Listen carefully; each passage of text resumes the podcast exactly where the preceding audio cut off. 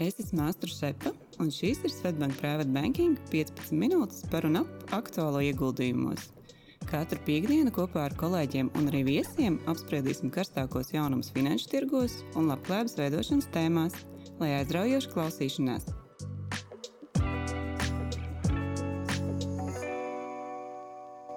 Sveiciens private banking klientiem! Šodienas epizodē esmu kopā ar privātu banķieru Kristīnu Šakinu. Čau, Kristīna! Sveika, Astra! Paldies, ka uzaicināji mani uz šo sarunu. Jā, liels prieks, ka pievienojies. Un ar Kristīnu esam izvēlējušies, manuprāt, ļoti interesantu un aktuālu tēmu par farmācijas un biotehnoloģijas uzņēmumiem, šīs jomas lielākajiem spēlētājiem, vai šobrīd tādiem dzirdamākajiem, un arī galvenajām tendencēm jomā. Ja skatāmies uzreiz tā, no tāda investoru un finanšu tirgu viedokļiem, tad uh, Viens no indeksiem, kas seko pasaules veselības aprūpas uzņēmumiem, ir MSCI World Healthcare Index, kurā būtiski lielākā daļa ir ASV uzņēmumu, ir 70%. Un tas sastāv jā, no aptuveni 40% farmācijas uzņēmumu, 14% biotehnoloģiju. Tajā ir iekļauts arī medicīnas aprīkojuma un arī veselības aprūpas uzņēmumu, bet nu, šodien fokusēsimies tieši uz ražotājiem, jo tā joma ir ļoti, ļoti plaša. Bet, nu, principā tāds galvenais secinājums, ja skatās uz šo healthcare indeksu pasaulē, tad pēdējo desmit gadu laikā tas ir vidēji radījis labāku sniegumu nekā, teiksim, MSCI World. Šī uh, healthcare indeksa uh, sniegums ir bijis ap 11% vidēji gadā, kamēr MSCI valda 7,9%. Un arī pēdējo 14 gadu laikā šis indeks ir rādījis negatīvu sniegumu tikai divos gados, 16. gadā un 22. gadā. Arī turpina kritumu 23. gadā. Protams, vēsturiskais sniegums uh, negarantē tādu pašu sniegumu nākotnē, bet nu, vēsturiski jā, šis, šī nozara ir rādījusi gan labu sniegumu. Nu jā, un jāsaka, ka tā, tā, tā arī ir, kā tu saki, kad, kad divus, divus gadus ir bijis tikai negatīvs rādītājs šim te healthcare indeksam. Un, ja to salīdzina ar pašu MSI World indeksu, tad jāsaka, ka MSI World indeks ir kritis četrus gadus no šiem pēdējiem 14 gadiem.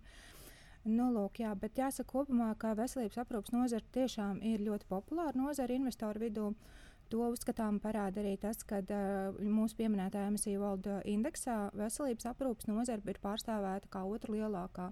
Uzreizēs tehnoloģija nozares. Kas ši... šobrīd ir ļoti aktuāla un karsta arī. Jā. tā arī ir ļoti liela un pelnoša nozara, un šī uh, veselības aprūpas nozara ir uzreiz otrā. Un, uh, šī ir uh, lielā popularitāte ir arī nu, tāda likumsakarīga, jo uh, pasaules iedzīvotāju skaits kopumā palielinās, un, un cilvēki dzīvo ar vien ilgāk. Tas, protams, arī rada lielāku pieprasījumu pēc šīs nozares. Un, jāsaka, ka šī ir gana ienesīga nozara ar spēļņu, ar labu peļņas iespēju. Un, jeb, jeb, jebkurā gadījumā jāsaka, ka no, nozars pievilcību investoru vidū uh, nosaka tas, ka kopumā sabiedrība ir ļoti ieinteresēta, lai šī nozara tiešām attīstītos. Un, un, to, tas ir arī no finansējuma viedokļa, kad šeit, šai nozarei seko ievērojams finansējums gan no valsts, gan no privāto investoru sektora. Un, nu, kopumā sakot, jā, stabila, strauji augoša, ļoti labi finansēta nozara. Viens arī, kas jāņem vērā par šo nozari, nu, līdzīgi kā citās jomās, droši vien, kad ir diezgan liels tās ieejas barjeras citiem mazākiem spēlētājiem, kā īpaši šajos patenta periodu medikamentos, jo ir veikti pētījumi, tur Deloitte, ka principā tas vidējais periods, lai pieregistrētu jaunas zāles un izpētītu un aiznestu līdz tirgumam, ir 12 gadi, un vidējā izmaksa ir 2,3 miljārdu dolāru. No nu, šiem oriģināliem uh, medikamentiem, uh, kuri tiek patentēti. Un, protams, arī jāņem vērā, ka ne tuvu ne visus izdodas aiznest līdz šim patentam, bet, nu, protams, šie patentētie medikamenti ir arī pēc tam ļoti ienesīgi. Bet papildus šiem oriģināliem medikamentiem ir arī šis generika drugs, jeb pēcpatenta perioda medikamentu tirgus, kurā principā arī darbojās visi arī lielie farmācijas uzņēmumi, tā skaitā, kurā šajā periodā jau tie medikamenti, protams, ir daudz lētāki un arī konkurence ir daudz lielāka. Un vēl viena tāda grupa visā pasaulē, nu sevišķi attīstības tirgos ASV un Eiropā, ir tāda orfanu drugs, jeb reto slimību medikamenti, kas ir paredzēti uh, tieši jā, retāk diagnoz, diagnožu ārstēšanai, un kurām ir papildus dažādi atvieglojumi gan finansējuma pieejamības ziņā, gan reģistrācijas perioda jomā un klinisko pētījumu ziņā. Jo, nu, ja nebūtu šie atbalsta mehānismi, tad vienkārši lieliem ražotājiem nebūtu finansiāli izdevīgi šīs uh, zāles izstrādāt un pieregistrēt. Nu, tas tā, tas par, par lielajiem spēlētājiem. Es zinu, ka Kristīna arī iepētīja vienu no lielajiem spēlētājiem nedaudz sīkāk. Jā, es esmu paskatījusies nedaudz sīkāk tieši par Pfizer. Un, uh, Un, uh, te es gribētu gan arī izcelt to, ka uh, ta, tas, ko tu iepriekš minēji, ka mazajiem uzņēmumiem šajā nozarē ir grūtāk teiksim, tā, um, attīstīties un izaugt, tad gribēju pastāstīt arī par to, par to vienu labo piemēru, spilgto piemēru, kā, sadarbības rezultātā salīdzinoši neliels biotehnoloģiju uzņēmums ievērojami palielina savu izaugsmi sadarbībā ar šo lielo farmācijas uzņēmumu Pfizer. Un, šeit ir runa par BioNTech uzņēmumu. Kas ir Vācijas biotehnoloģija uzņēmums, kurš, mm, kurš pirms kļuva par partneri ar Pfizer. Uh, tieši Covid vakcīnas izstrādē uh, uzņēmums bija salīdzinoši neliels. 20. 20. gadā, pirms šīs vakcīnas izlaišanas, viņa uh, neto ieņēmumi bija vien 15 miljoni. Bet tad, kad tika palaista šī Covid vakcīna, izlaista uh, 21. gadā šie ieņēmumi, neto ieņēmumi jau sastādīja 10 miljardus, un uh, 22. gadā 9 miljardus.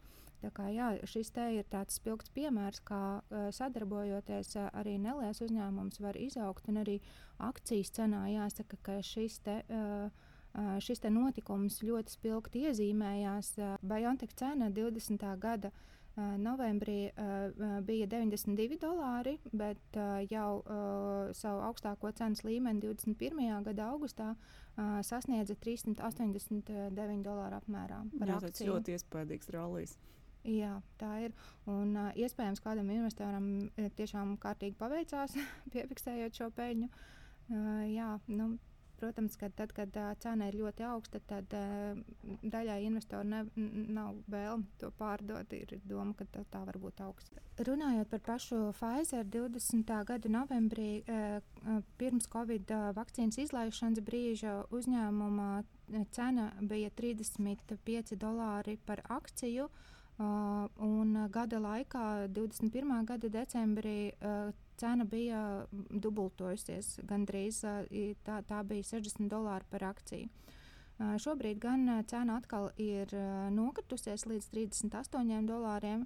Un, uh, par neto uh, ienākumiem, ru, ieņēmumiem runājot, arī uh, jāsaka, ka uh, šī Covid vakcīna ie, ievērojami palielināja uzņēmumu ienākums. 20. gadā, 20. gadā tie bija 1,9 miljardu ASV dolāru, bet 21. gadā uh, šie uzņēmumu ienākumi jau sasniedz 21 miljardu un 22. gadā 31 miljardu. Jā, tāds uh, viens nesens rallijs uh, ir tevis jau pieminētais tieši Covid sakarā, bet īstenībā šobrīd farmācijas un biotehnoloģiju tirgu izskatās pārņēmis vēl viens rallijs. Kā, kā rezultātā ir pamainījies arī vērtīgo farmācijas uzņēmumu tops. Māja beigās par pasaules vērtīgāko uzņēmumu kļuva tāds Lilija ASV farmaceitiskais uzņēmums savukārt. Eiropā kādu laiku otrais vērtīgākais uzņēmums ir Dānijas uzņēmums Nova Nordisk.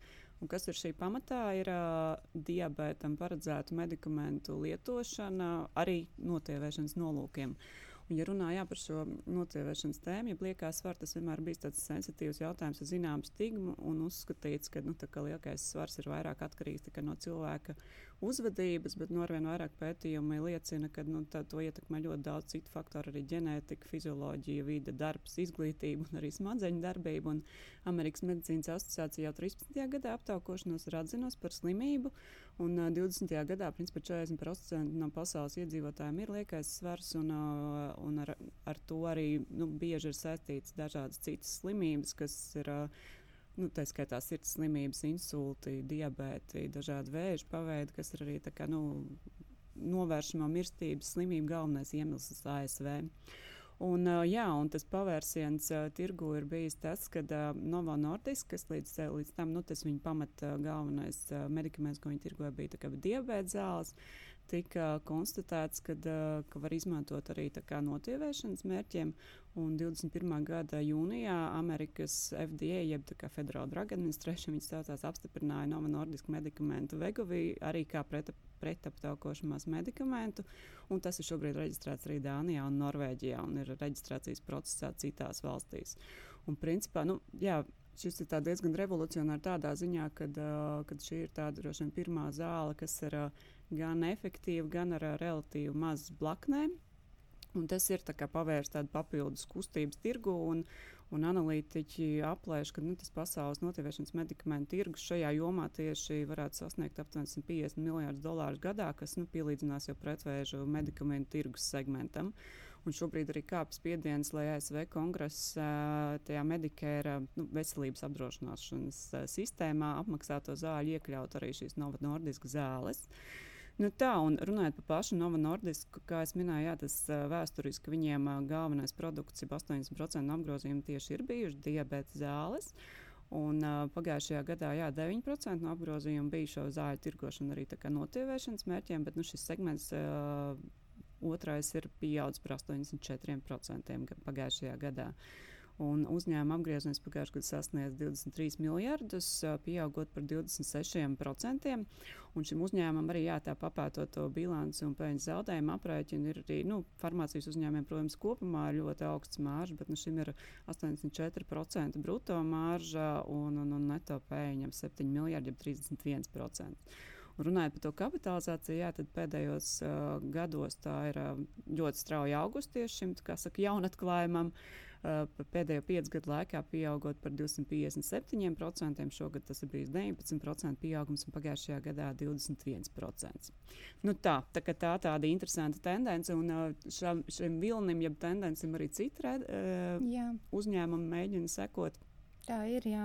Šī ir tiešām ļoti tāda interesanta tendence, un arī pats Pfizer arī dodas šajā pašā virzienā. Un, uh, maijā nāca klajā ar paziņojumu, ka arī viņiem ir izstrādāta šī te, šis te diabēta preparāts, kas, kas arī dod šī, šī notievēšanas efektu.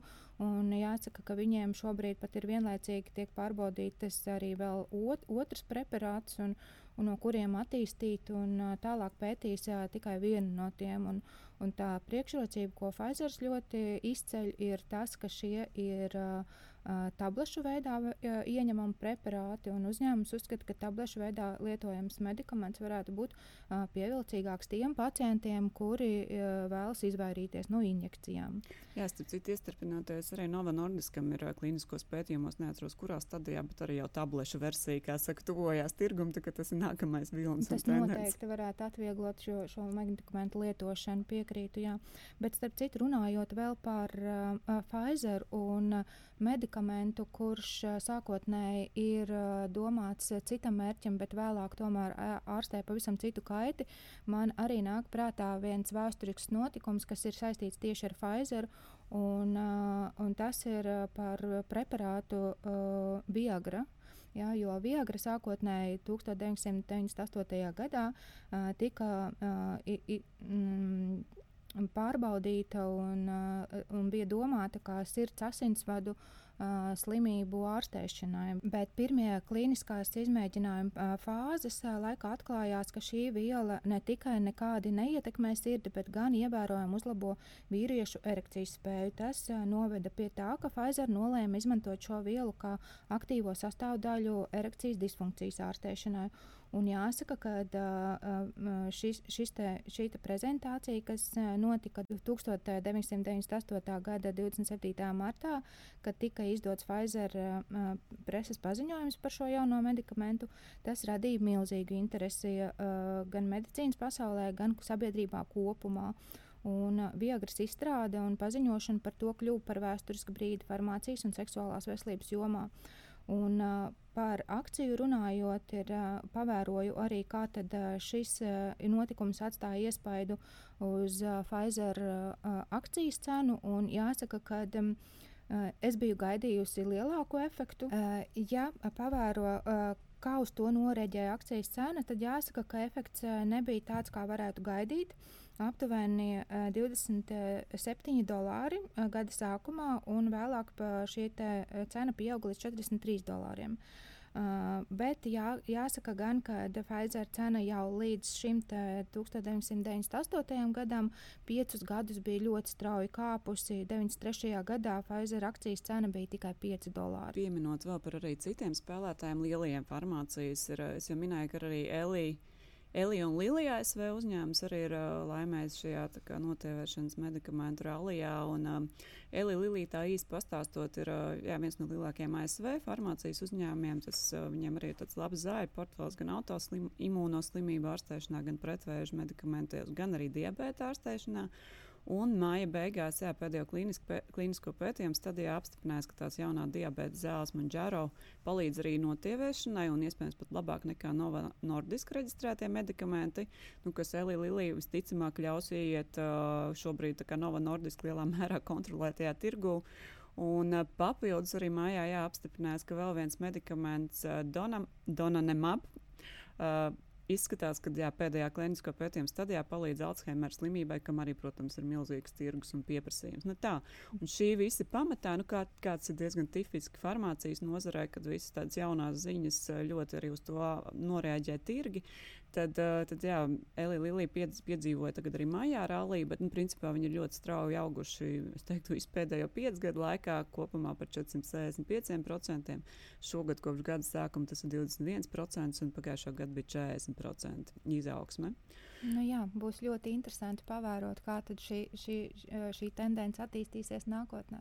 Nu jā, un tas tiešām man liekas, ka tajā nozarē tā, ka arī var būt grūti. Nu, gan jau, ka var prognozēt tie, kas ir ļoti lieli, lieli eksperti, bet nu, nevienmēr var uzminēt, kas ir tas virziens, kas, kas, kas pēkšņi attīstīsies.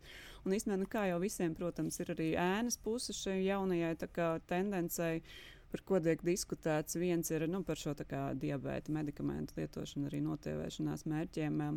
Viens ir, protams, jā, ir dažādi skandāli par to, ka tā skaitā Nova Nordiska ir maksājis ārstiem, lai šo promotētu un reklamētu tieši notēvēšanās mērķiem. Otrs ir arī, protams, jā, par tādu tā kā, dievuma kultu attīstīšanu. Nu, jautājums ir par to, jā, vai, vai netiek izmantot šis medikaments jau arī teiksim, tiem cilvēkiem, kam tas nav gluži nepieciešams. Un, protams, arī blakus efekta jautājums. Šobrīd ir kon konstatēts, ka uh, ka šie Nova Nordiska medikamenti viņi, nu, pamatā var izraisīt nelabu dušu un, un arī caurēju, bet arī izskatās, ka uh, vairāk dziedz ar vēzi.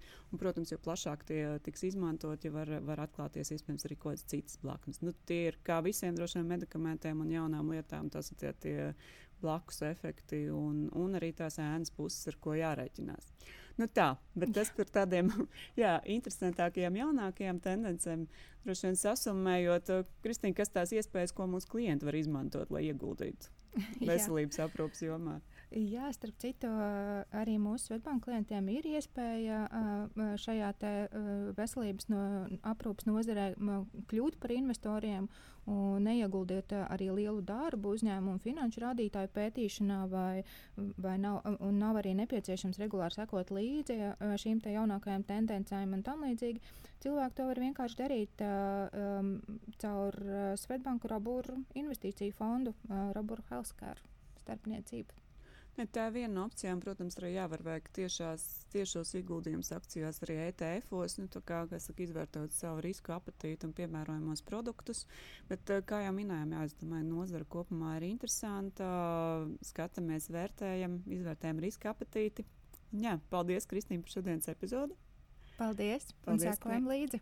Jā, un paldies, klienti, ka klausījāties. Uz tikšanos nākamajā epizodē. Audio saturā dzirdētā informācija nav uzskatāms par ieguldījumu konsultāciju vai ieteikumu slēgt finanšu tirgus darījumus vai ieguldīt finanšu instrumentos. Paldies, ka klausījāties! Lai izdevusies diena un uz tikšanos nākamajā sarunā!